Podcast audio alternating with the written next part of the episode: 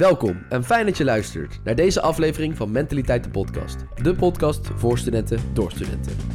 In deze laatste aflevering van dit seizoen hebben we het over iets waar studenten vaker berucht om zijn: alcoholgebruik. We weten allemaal wel dat het slecht voor je is, maar weten we zelf nou echt wat de gevolgen van alcoholgebruik zijn? Ik bedoel, wat is nu precies het effect van alcohol op je lichaam? En hoe kan alcohol ook invloed hebben op je mentale gezondheid? Welkom allemaal. Naast mij uh, uh, zit uh, Rijn, een medestudent op de TU Eindhoven, en Dominique, een medestudent. En kan jij je voorstellen? ja. Van het Trimmels Instituut.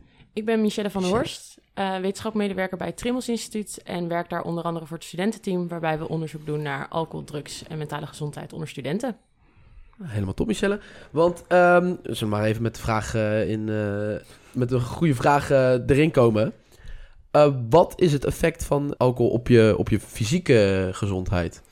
Nou, alcoholgebruik heeft verschillende lichamelijke en geestelijke effecten. Uh, je kan ook kijken naar de hoeveelheden alcohol. Dus we kunnen nu een enorme lijst gaan opnoemen, maar ik denk niet dat de luisteraars daar zo heel veel zin in hebben.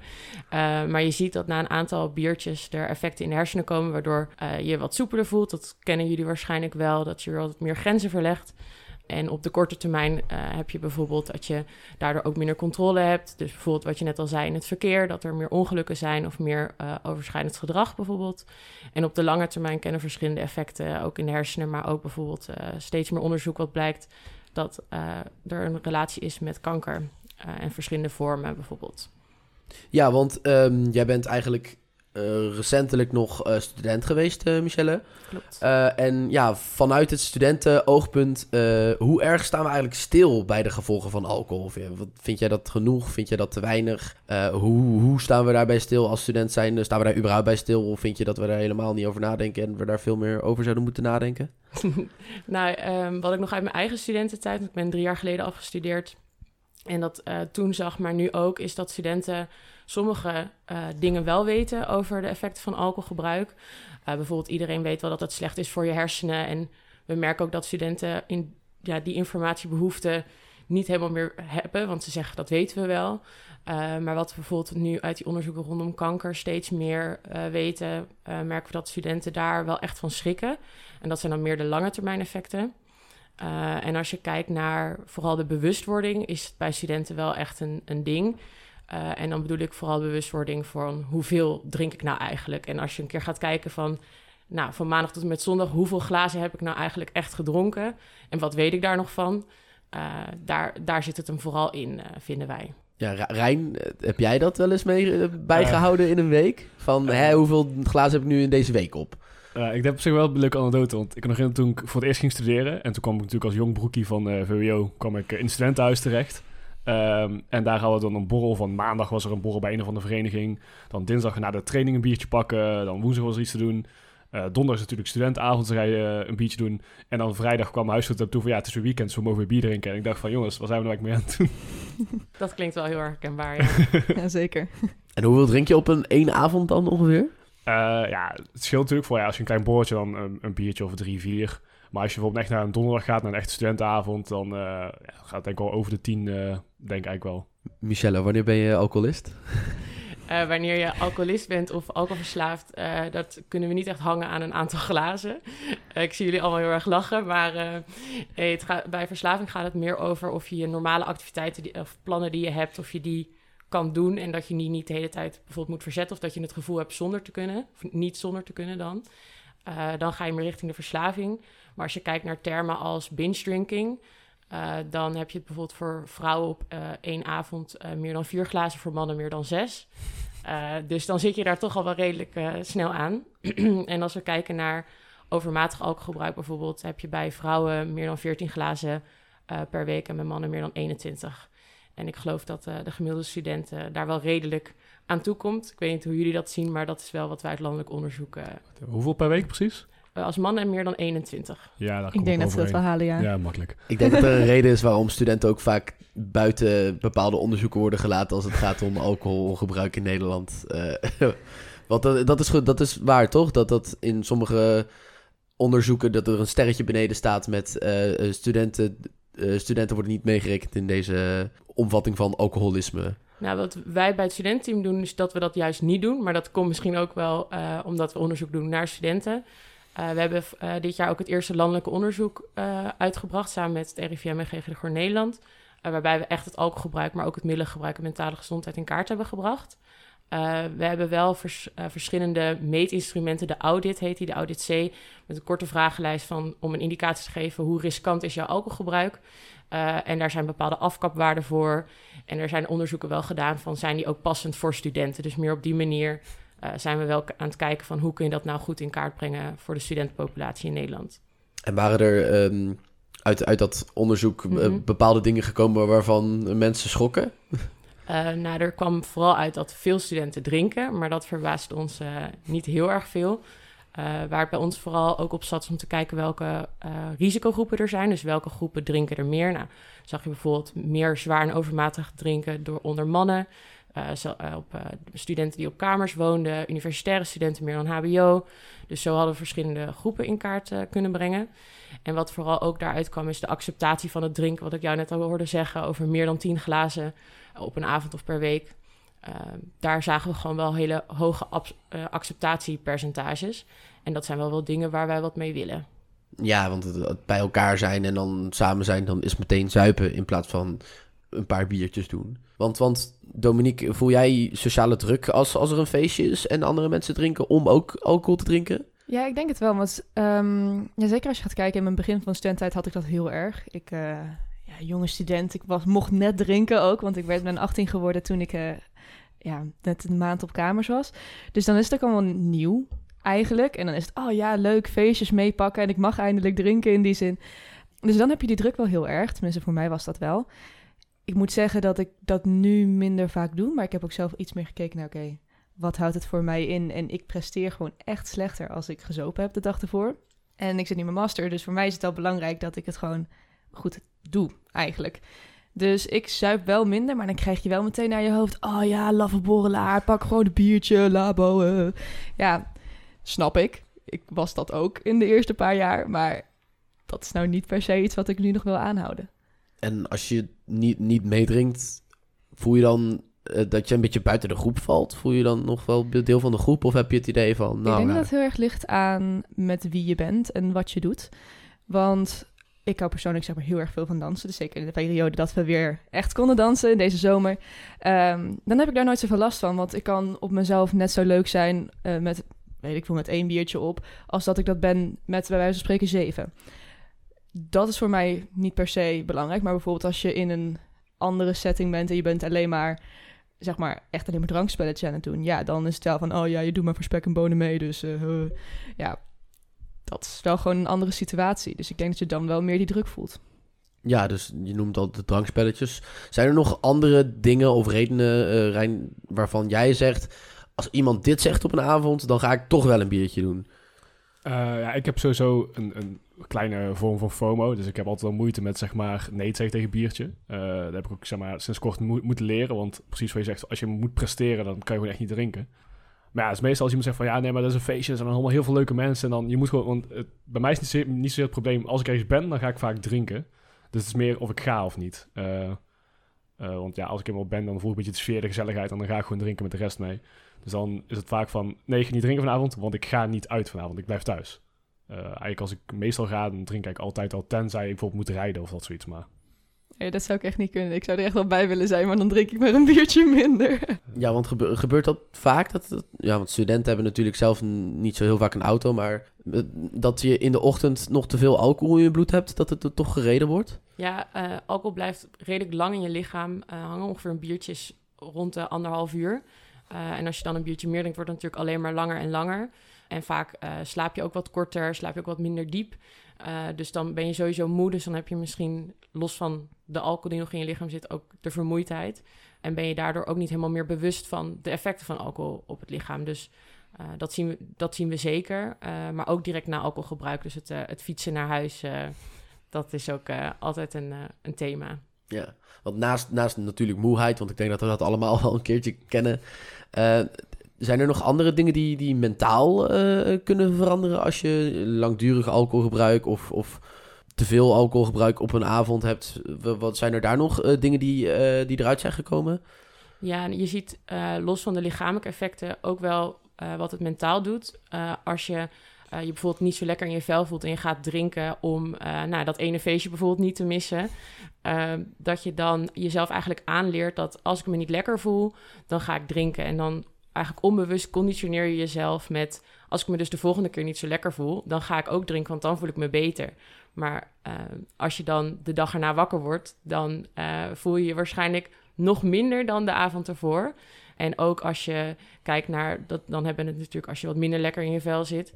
Uh, maar als je goed in je vel zit en je gaat dan drinken voor uh, dat ene leuke feestje, uh, dan heb je snel dat je leert van, oh, als ik dus me lekker voel en met vrienden en het is gezellig of ik heb iets te vieren, ik heb mijn bachelor gehaald bijvoorbeeld, dan ga ik ook drinken. En zo ben je eigenlijk onbewust continu aan het conditioneren om te gaan drinken. En dat is wel wat je jezelf aanleert voor ook na je studententijd.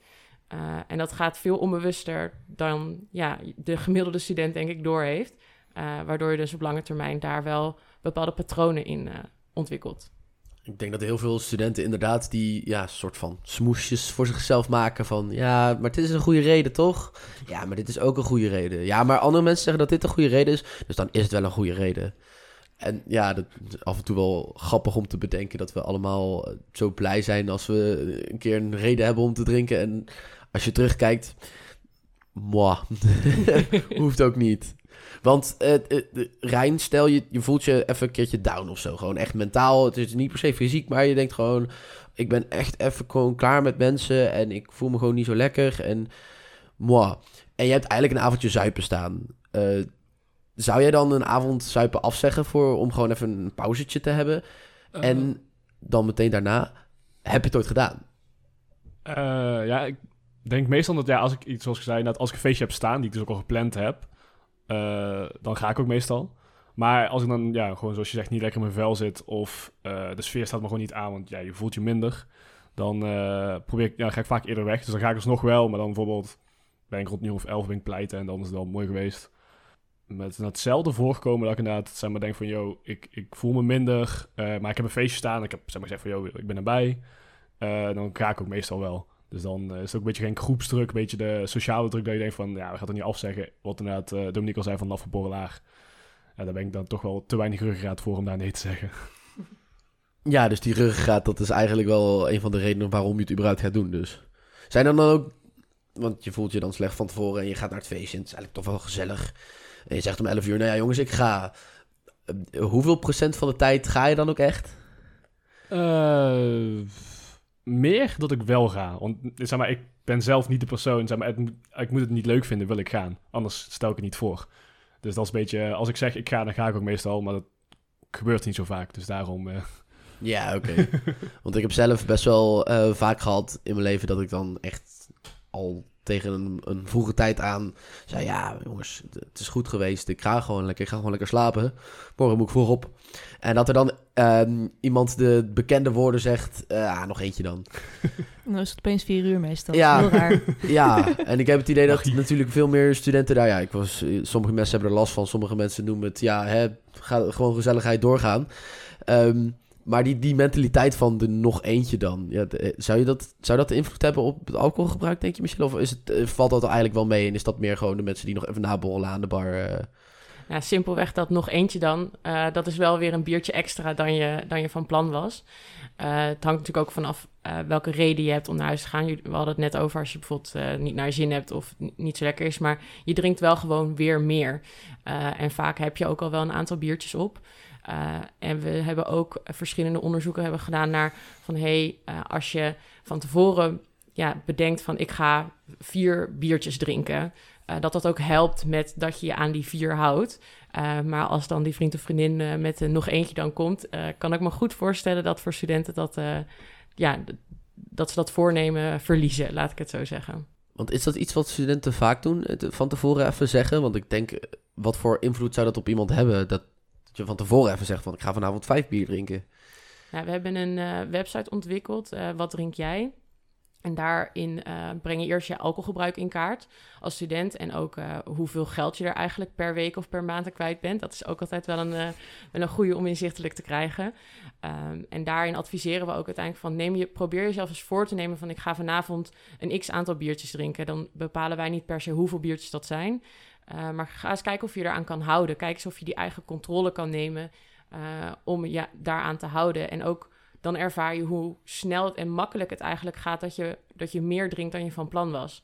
En als je voor jezelf dat als voornemen stelt, dan ben je zelf wel over het algemeen krachtiger dan dat je er gewoon heen gaat zonder dat voornemen.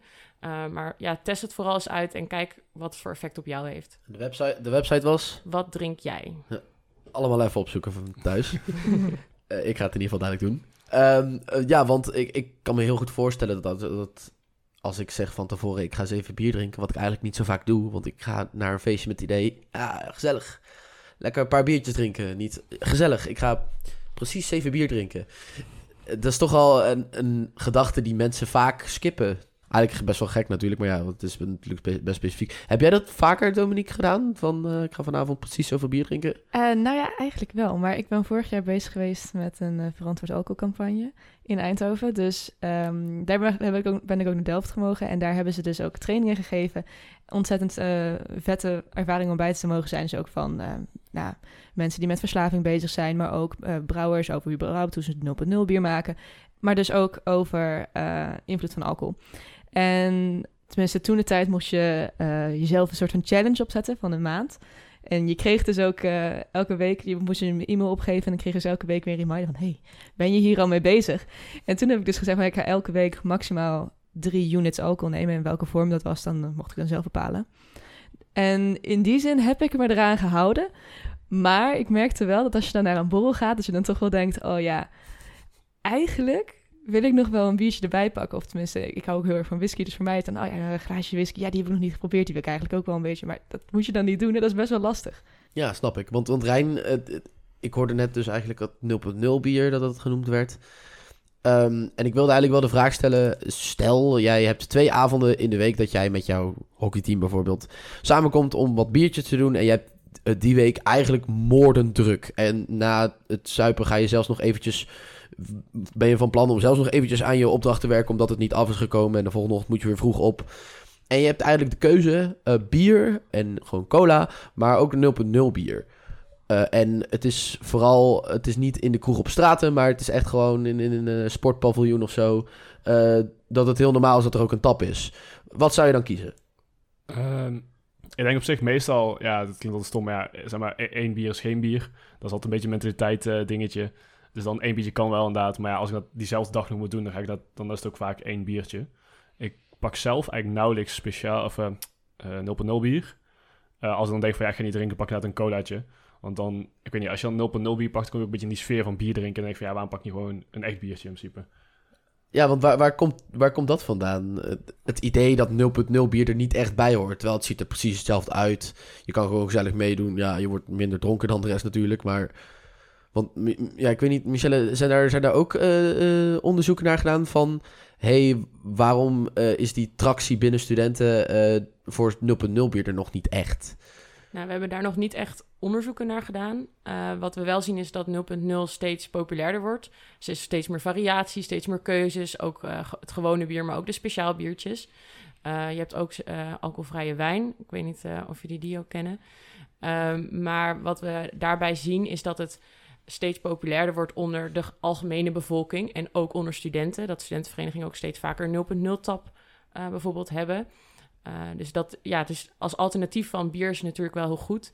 Uh, er zitten alsnog, nou ja, calorieën en allemaal andere dingen in. Maar als je echt even kijkt naar het alcohol, dan, dan is het zeker een goed alternatief. Is het niet ook een beetje dat de, de smaak nog steeds niet helemaal goed op niveau is, omdat het dus wat mij bijstaat is dat er een sketch is geweest, volgens mij van André van Duin, die single-handedly toen de tijd de hele 0.0-industrie in elkaar heeft geslagen. Over, volgens mij was het Butler of zoiets, of Butbier. Maar je drinkt toch geen Butbieren? Ja, ik herken de sketch wel, maar ik weet ook even niet meer precies waar uh, dat over ging. Maar dat is wel een aantal jaar geleden. Yeah. En het wordt steeds, ja, het wordt gewoon, ze, ze maken het vaker, uh, ze leren het meer, dus het smaakt ook uh, steeds meer naar bier. Uh, maar we horen inderdaad wel onder studenten dat dat laffe borrelaar, ruggengraat uh, ding nog steeds rondom 0.0 dan. Uh, want het is toch, zit vaak in een ander bekertje. Dus je ziet, je kan ook zien dat de student voor 0.0 heeft gekozen. En waarom, waarom doe je dat dan? Er wordt een soort verantwoording gevraagd. Dat is in ieder geval wat wij horen. Ja, want het is natuurlijk niet alleen maar dat je het naar je medestudenten uitdraagt dat je bier aan het drinken bent. Maar het is ook vaak de andere kant op dat mensen naar jouw glas kijken en het dan zien. En dat op, echt ook, oprecht er ook opmerkingen over maken. En vaak is dan de sociale filter, uh, die is natuurlijk bij een paar biertjes al wat minder.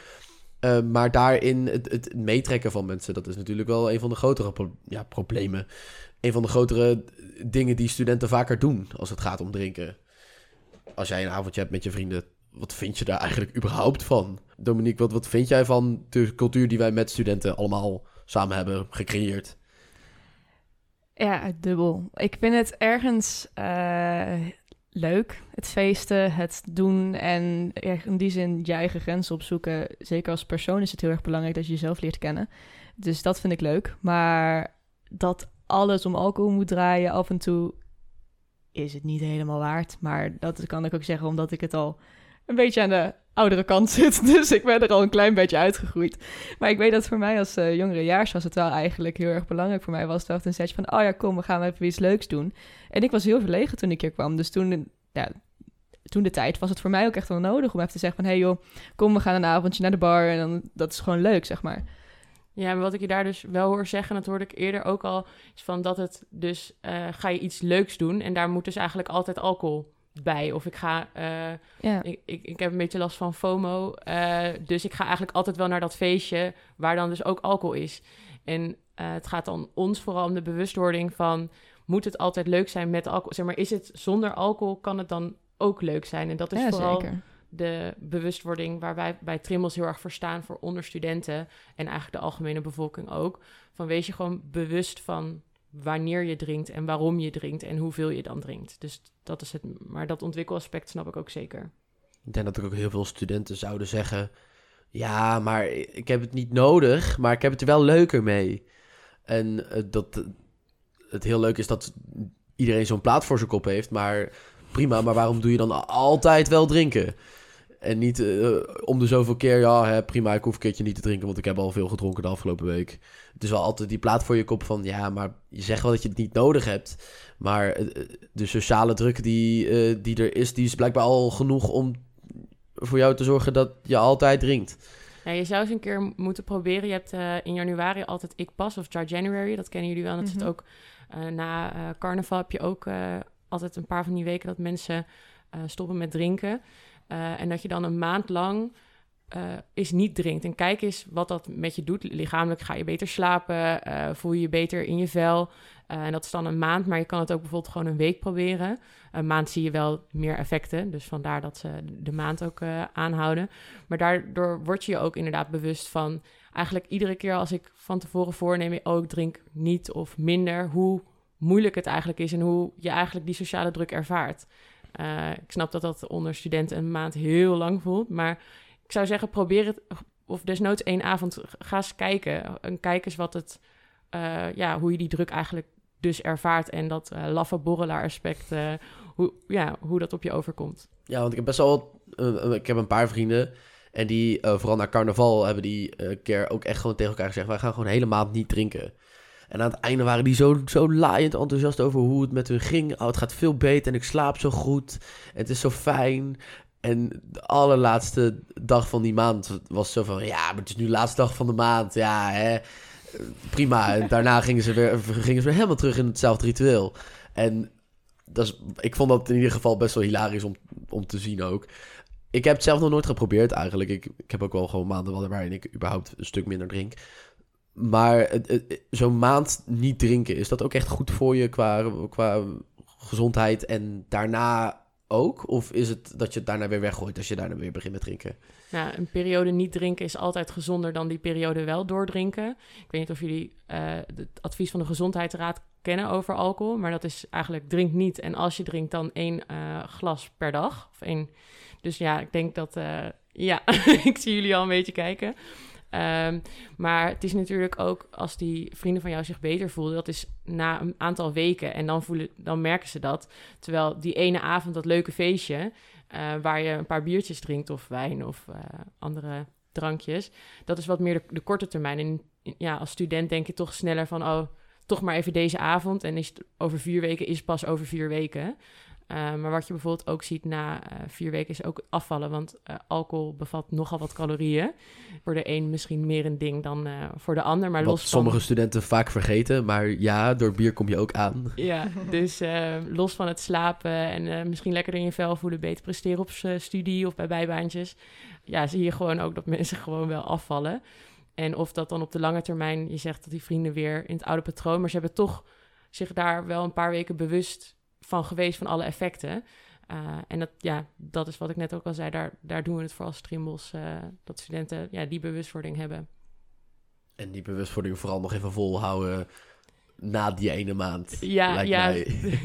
ja dat is natuurlijk het allermooiste, maar je uh, doorbreekt ook wel een patroon, ook voor na je studententijd als je gaat werken, dat je dus dan niet uh, als je weekend hebt, gelijk een biertje opentrekt. En als je dan naar een feestje gaat, dat je bier moet drinken. Of als je een rotdag hebt gehad uh, op werk, omdat je. Er ging een bepaalde vergadering niet zoals je wilde, dat je dan niet gelijk denkt, nou dan trek maar een biertje open. Want dat is wel een patroon wat je in de studententijd natuurlijk vaker ziet. In, in, in de trant van, uh, zeg maar, het creëren, de, de momenten creëren in plaats van, oh dit is het moment om te gaan drinken. Van, nou, nah, daar heb je zelf, de, daar heb je zelf gezegd, maar dat is niet per se het moment. Ja, tentamen niet halen of juist wel halen. Sowieso drinken. ja, precies. Want ja, na een tentamen, oké, ja, hoeft ook niet.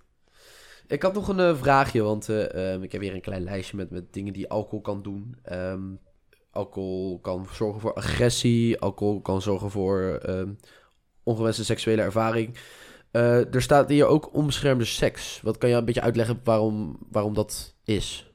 Nou, als je alcohol drinkt, vervaag je, vervaag je grenzen. En ik denk dat niemand onbeschermde seks in principe wilt qua SOA's of mogelijk kinderen. Maar nou, goed, dat is misschien iets te privé-vraag voor nu. maar dat als je alcohol drinkt, vervagen die grenzen en dan sta je ook minder voor jezelf op of, voor je, of je partner doet dat ook uh, met wie je uh, seks hebt. Uh, dat je het toch veilig wil gaan doen.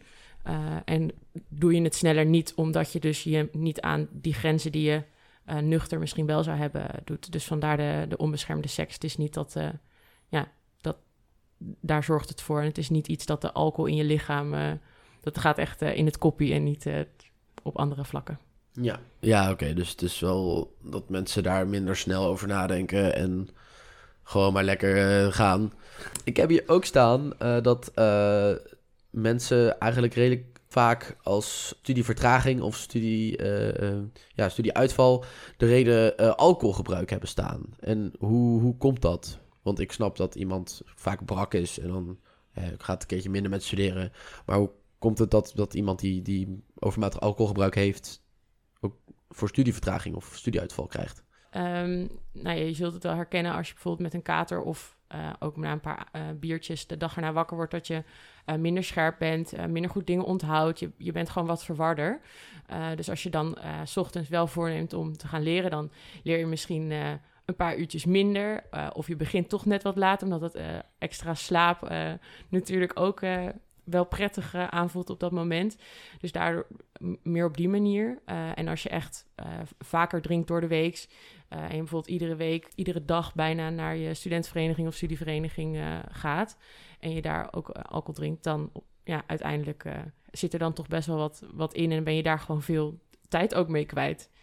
dus meer ook op die manier. En dan hebben we het over zowel studievertraging als studieuitval. Want sommige mensen, ja, die vallen ook gewoon uit als het echt problematisch alcoholgebruik uh, wordt. En dan kun je ook gaan kijken of je misschien mogelijk naar de verslavingszorg. Uh, en dat klinkt, studenten vinden verslavingszorg altijd heel erg van, hoe verslavingszorg is een enorm taboe. Maar je kunt bij de verslavingszorg ook gewoon een gesprek aangaan van vier uh, gesprekjes met, hey, waar loop ik eigenlijk tegenaan? En dan kan het ook zijn dat, je, dat er mentale dingen omhoog komen. En dan kun je daar gewoon hulp voor krijgen, ook bij de, bij de Unie, bijvoorbeeld bij studentpsycholoog. Ja, oké. En voor mensen die dan thuis zitten, dat is dus eigenlijk helemaal niet gek. En het, er zijn dus ook meerdere trajecten en er zijn dus ook hele simpele trajecten waarbij je echt gewoon op een gesprekje gaat. Ja. Dat is eigenlijk wel handig om te weten voor sommige mensen misschien. Want, want Dominique, eh, eigenlijk een hele, hele moeilijke vraag misschien. Is alcohol in het studentenleven eigenlijk te ontlopen? Of moet je je eigenlijk gewoon er maar bij neerleggen als ik ga studeren, dan ga ik zuipen? Ik denk dat het wel kan. Maar dat is wel iets wat je voor jezelf moet eh, voornemen. Ik weet een eh, vriendinnetje van mij, die had, eh, ja, het was dan wel door medische reden, maar die heeft de hele studententijd niet gedronken. En dat was prima. Dat heeft ze ook voor de rest, met de feesten, met de borrels die we hadden, hebben ze daar eigenlijk geen invloed van gehad. Maar dat was ook omdat we het allemaal wisten. En dan zeg je ook, ja, nee, zij, ze drinkt niet, punt. Ja. Dan hoef je daar ook niet uitleg over te gaan geven. Als je dat van tevoren gewoon aangeeft, moet dat zeker kunnen. Maar ik denk dat als je eerst wel drinkt en daarna minder gaat drinken, dat dan meestal vragen gaan komen. Omdat mensen vanuit gaan, oh ja, dat die, die drinkt gewoon gezellig mee, zeg maar. En dat is weer het gezellig. Maar ja, ik denk dat wel kan. Alleen dat je het wel gewoon even met je omgeving een soort van moet aangeven. Yo, dit uh, doe ik gewoon niet. Vind jij dat uh, ook, Rijn? Uh, ja, ik ben het heel erg eens met het feit, zeg maar, als je niet drinkt, dan moet je een reden hebben dat je niet drinkt. Dat is altijd een beetje uh, het stigma eromheen, denk ik. Om bijvoorbeeld, je hebt natuurlijk het classic van, ik ben Bob, dus ik drink niet. Maar ik heb dat ook inderdaad een goede vriend van mij, die dat die ook gewoon niet drinkt. Want hij vindt het gewoon niet fijn om te drinken. En dat weet je dus, dus dan, dan is het oké. Maar op het moment dat ik bijvoorbeeld naar een, een ga, of whatever, dan uh, ik kom eraan en zeg van, ik wil een colaatje. En dan kijk ik meteen mijn team aan van, joh, weet je wel, waarom bestel je cola? En dan moet ik mezelf gaan verdedigen van waarom ik niet drink op zo'n avond. Dus ik denk dat het vooral een stigma is van waarom ik niet drink. Uh, dat dat altijd moet worden uitgelegd of verdedigd worden. Dat dat gewoon raar is op zich. En heb je dan eigenlijk, wat, wat gebruik je dan als reden? Zeg maar los, stel je bent niet de Bob. Wat, wat zijn redenen voor jou dan om toch die cola te bestellen? Uh, toevallig laatst een keer ook gewoon van, joh, weet je wel, ik heb er gewoon geen zin in vanavond. Dat was ook, toen voelde ik dat ook iets minder. Toen dacht ik van, ja, weet je wel, ik heb geen zin om te drinken nu. Ik voel me niet zo fijn. Uh, maar ik had wel interesse in sociaal contact. Dus dan heb ik toch een coachje gedronken. En, en wordt dat ook dan meteen geaccepteerd door de mensen waarmee je, waarmee je bent? Want het, dat is vaak wel het dingetje. Dat je dan wel vaak of laf wordt genoemd, of het wordt op een lievere manier gezegd. Maar wel, hè, pak een biertje, dan voel je je beter. Ja, nee, het was voor mij... Toen de tijd was het gewoon even toevallig een dingetje. Want toen zei ik van, ja, ik, ik coach, ik voel me niet zo chill. En dan krijg je de vraag van, oh, wat is er dan? Van, dan, dan, moet, dan moet er ook echt iets zijn. Het was er ook toevallig toen de tijd. Maar inderdaad, van het moment dat ik niet drink, dan is er ook echt iets aan de hand, zeg maar. Bijvoorbeeld de classic van, uh, weet je wel, hoezo drink je niet? Ben je ziek of zo? Dat, dat is toch maar een, een, grapje die vaak gebruikt wordt, maar het kan ook gewoon serieus zijn van, joh, ik voel me niet zo chill op het moment. Uh, en daarom pak ik dus even een colaatje in plaats van alcohol of whatever. Dus het kan ook een indicator zijn voor vrienden van, hey, het gaat eigenlijk niet zo goed met een van mijn vrienden. Dat, dat, eigenlijk wel, en dat is niet per se een goed ding dat dat een, een voorbode is voor zoiets. Nou ja, nee, als ja. het zorgt voor de vraag dat vrienden aan je gaan stellen, hoe, hoe gaat het met je? Um, want dat, dat merken we vooral ook dat rondom mentale problemen, even los van de alcohol, maar alcohol kan er natuurlijk wel een rol bij spelen.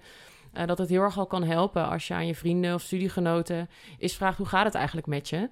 En bij jou is dat dan na aanleiding van dat je een cola bestelde, maar uh, kan ook ja, op een andere manier kan het zorgen voor dat je bijvoorbeeld niet zo lekker met je studie zit. Of uh, dat er dingen thuis zijn en dat je daar dan toch niet echt over durft te praten. Dat je misschien dus toch naar die sociale gelegenheid gaat, even los van of je alcohol drinkt.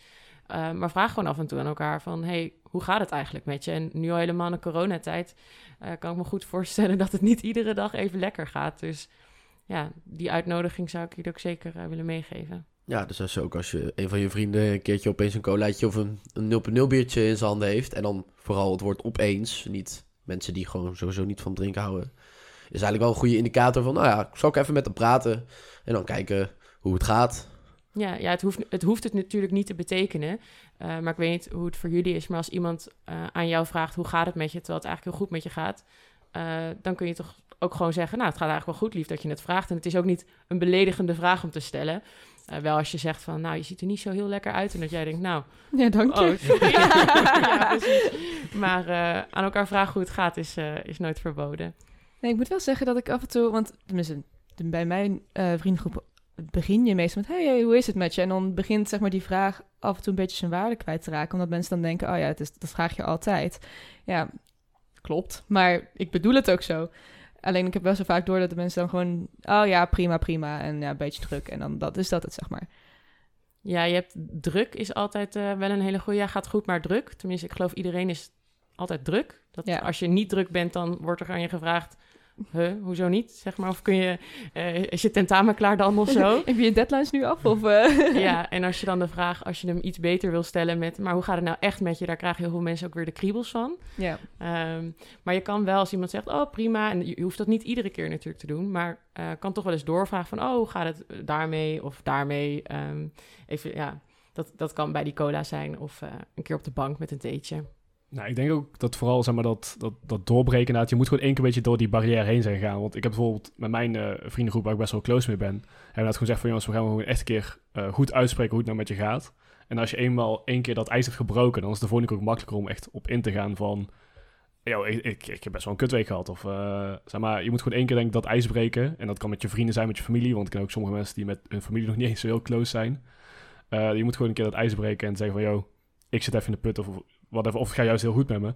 Maar je dat daar gewoon open en eerlijk over kan zijn. Ik denk dat het heel veel mensen kan helpen, over het algemeen. En het begint allemaal met de vraag. eh, dus ja, stel die vooral of iemand nou een biertje of een 0.0 biertje in zijn handen heeft. Ja. ja, dat, dat, dat ligt daar buiten natuurlijk. Eh, ik had even nog een vraagje, want een van de dingen die vaak bij overmatig drankgebruik toch wel opkomt, is eh, het, het coma-zuipen. En dat hoor je vaak onder minderjarigen natuurlijk dat het een probleem is. Maar ik neem aan dat eh, als ik zo kijk naar het, het alcoholgebruik onder, onder studenten, dat dat binnen studenten ook al eh, eh, speelt natuurlijk. Is dat, is dat een, een groot aandeel of een klein aandeel? Of... Nou, dat speelt, speelt er zeker. De exacte cijfers heb ik niet voor je paraat. Maar het gaat er vooral over dat je dan dus over je grenzen heen gaat. En dus niet meer ook luistert naar je lichamelijke cues. Je hebt soms ook dat mensen eh, overgeven van alcohol. Dat is vaak al het teken dat je lichaam eh, al meerdere keren eigenlijk eh, had willen stoppen. Maar dat jij daar anders over dacht. Ehm, je hoort het wel vaker onder minderjarigen. is, komt het ook vaker in het nieuws van de. we hebben weer een nieuwe bodemleeftijd met coma zuipen. Maar dat is dan meer het, het in de media, zeg maar. En dat gebeurt zeker ook onder, onder studenten. En dan kijk je naar alcoholgebruik, maar ook zeker combinatiegebruik met bijvoorbeeld andere middelen.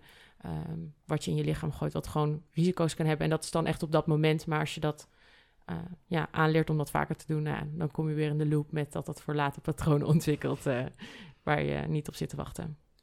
Ja, want, want hoe werkt dat coma-zuipen? Want je, je- opeens gaat je lichaam uit. Ja, je lichaam zegt gewoon eh, error eigenlijk. Dat is gewoon, dan zit er zoveel alcohol eh, in je lichaam. En je hebt eh, bepaalde hoeveel, eh, zeg maar standaard hoeveelheid alcohol. Ehm, en dat, dat, daar moet in de horeca rekening mee worden gehouden met de hoeveelheid. Bijvoorbeeld, jij had het net over een whisky. Daar, daar krijg je gewoon minder van dan van een biertje als je kijkt naar de milliliters, zeg maar. Dan heb je gewoon dusdanige hoeveelheid in je lichaam. En dat verschilt ook weer per persoon. Dat hangt van je lengte af, van je geslacht, van je lichaamsgewicht. Dus op die manier, je, je kan niet zeggen zoveel glazen en je drinkt coma. Eh, en dat heeft ook een met je tolerantie te maken. Als jij al jarenlang eh, geregeld drinkt, kun je ook meer hebben vaak dan iemand of nou, sporters. Is ook weer, eh, weer een andere indicatie. Want dan is het toch wel raar, want ehm, je zegt dat het een beetje ook om je bouw gaat en, en hoe vaak je drinkt. Jongens hebben over het algemeen een wat, wat, gewoon wat bredere bouw. eh, hebben wat meer lichaamsgewicht ge- gemiddeld dan vrouwen. En toch zijn het vaak de jongens die coma zuipen. Hoe komt dat? Ja, of het meer is dat mannen dat doen dan eh, vrouwelijke studenten. We zien wel dat overmatig en zwaar alcoholgebruik, eh, dat uit dat onderzoek wat eruit is gekomen, dat dat meer onder mannen is. Ehm, als je gaat kijken naar waarom dat zo is, zou door sociale druk kunnen zijn, eh, geen grenzen, mi- minder rem. Ehm, maar of dat over het algemeen, echt onderzoek daarover weet ik niet, dat dat, eh, dat dat, als reden is dat mannen dat meer, eh meer Beetje doen. haatjesgedrag misschien, van Ja, dat zou- stoer doen voor elkaar. Ja, en je, eh, wat je ook ziet is dat als je kijkt naar zwaar drinken of overmatig of binge drinken, dat zijn allemaal ja, termen die je in onderzoek gebruikt als meetlat voor ja, drankgebruik. Dan zie je gewoon dat, dat onder mannen meer glazen zijn dan onder vrouwen. Vrouwen hebben on- over het algemeen meer lichaamsvet, dus minder lichaamsvocht, waarover het alcohol kan worden verspreid in je lichaam. En mannen hebben dat minder. En ik weet, vrouwen en vet is altijd een, een, een, soort taboe-commie, maar ja, vrouwen hebben dat gewoon meer.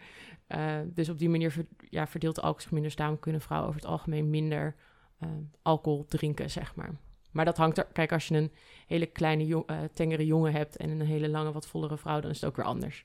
Ja, het is natuurlijk allemaal... Het scheelt per keer. Ja, Ja. snap ik. Rijn, drink jij wel eens alcohol in je eentje? Of ben jij wel echt alleen een een gezelligheidsdrinker? Eh, ja, nee, dat is, dat grappig inderdaad, want eh, ik drink eigenlijk altijd alleen met andere mensen samen. Eh, het is ook echt... het is ook altijd, zeg maar, als je met mensen samen bent, ga je toch wel eerder een biertje drinken. En ik herkent ook wel erg, bijvoorbeeld als ik bijvoorbeeld thuis ben, bijvoorbeeld een lange dag gehad, en denk ik van, oh, ik wil even een biertje drinken met mijn huisgenoten. Dan vraag ik altijd eerst even aan mijn huisgenoten van, yo, lust je een biertje? En als iedereen nee zegt, dan is van, ja, dan, dan hoef ik hem ook niet. Want dan ga niet in mijn eentje drinken. Zeg maar, het is echt alleen als iemand anders met me meedrinkt, dat ik denk van, dan doen we samen een biertje. Maar ik, ik drink nooit in mijn eentje eigenlijk. De dubbele betekenis van drinken met maat. eh. Precies. Stel, iemand drinkt wel altijd bij het eten een biertje. Gewoon dat diegene het lekker vindt. Ben je dan, ben je dan verslaafd?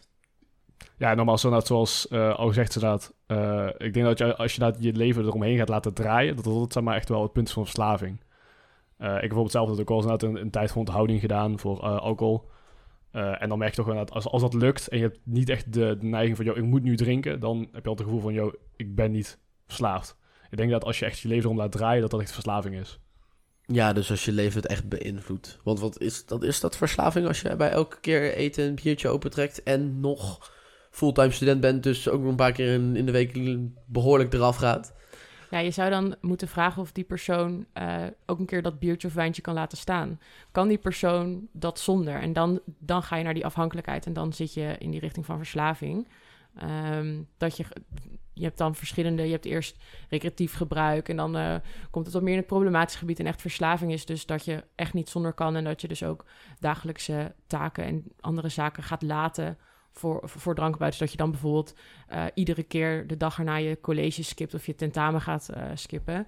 Eh, dan kom je in de problematische fase. En dan zal ik je wel uitnodigen om daar even, even serieus over na te denken en mogelijk met iemand over te gaan praten. Ja, voor mensen thuis dus ook. Denk er even over na. Kan je hem laten staan? Niet alleen tijdens het avondeten, maar ook gewoon als je een keer een avondje zuip hebt. Kan je hem laten staan? En wil je dat ook? En uiteindelijk doe je dat dan ook. Dat zijn gewoon vragen waarbij je toch wel even meer moet stilstaan dan de meeste studenten doen. Ja, en we willen ook niet dat studenten per se niet meer gaan drinken. Zeg maar dat denken ze vaak wel bij ons studententeam of bij Trimbos van... eh, ja, maar die willen gewoon dat wij helemaal niet gaan drinken en studenten droogleggen. Dat is zeker niet ons doel. Het is vooral inderdaad die bewustwording. En, en desnoods, kijk even of je iedere keer als je naar dat feestje gaat... één of twee biertjes minder. Kijk, kijk eens of het lukt, kijk eens wat het met je doet. Ja, zie maar, zeg maar. Nou, goeie om mee te pakken. Ehm, om deze podcast nog even af te sluiten, heb ik nog een, eigenlijk een klein spelletje. En dat eh, spelletje is eh voor Rijn. Ik heb namelijk een minigame. Eh, en het, eigenlijk het, het doel van de minigame is om heel snel te zeggen of je meer dan twee alcoholische versnaperingen zou drinken of niet. Dat is gewoon Dus ja een bliksemronde van meerdere scenario's. En jij moet binnen twee seconden zeggen ja of nee. Of jij meer dan twee drankjes met alcohol eh, zou drinken. En eh, ja, eigenlijk voor de luisteraars thuis. Ga ook even goed eh, bij jezelf te raden. En eh, probeer dit ook zo snel mogelijk te beantwoorden. Want eh, dat is misschien een goede zelfreflectie. Oké, dan gaan we. Ja. Eh, avondeten met huisgenoten, maar je wil daarna nog studeren. Nee, Volgende ochtend een OGO om 8 uur 45, maar er komen vanavond vrienden over de vloer. Ja. Je voelt je ziekig, maar iedereen om je heen is wel aan het drinken. nee, Het is tentamenweek, maar iedereen gaat buiten een paar despo's doen omdat het heerlijk weer is. Ja. Je hebt al drie feestjes gehad deze week, maar vanavond staat weer een leuk feestje op de planning. ja, Je gaat vanavond naar familie, maar zit nu met vrienden op het terras. ja. Heb je nu meer ja geantwoord dan je eigenlijk zou willen? Oh, zeker. Ja. nou, ik, hoop, ik hoop mensen thuis ook. Nou, ik hoop het niet eigenlijk Ja, voor ze. Nou ja, ik hoop het wel, zodat het een beetje weer wat meer voor zelfreflectie zorgt. In plaats van, nee, het gaat allemaal goed met me. en eh, daar wil ik het eigenlijk eh, eh, bij afsluiten. Dus eh, hartstikke bedankt voor het luisteren. Rijn, Dominique, hartstikke bedankt. Michelle, hartstikke bedankt voor eh, al jouw eh, expertise in dit onderwerp. En aan de luisteraars thuis, hartstikke bedankt dat je luisterde. En eh, fijn dat je wat tijd voor jezelf nam.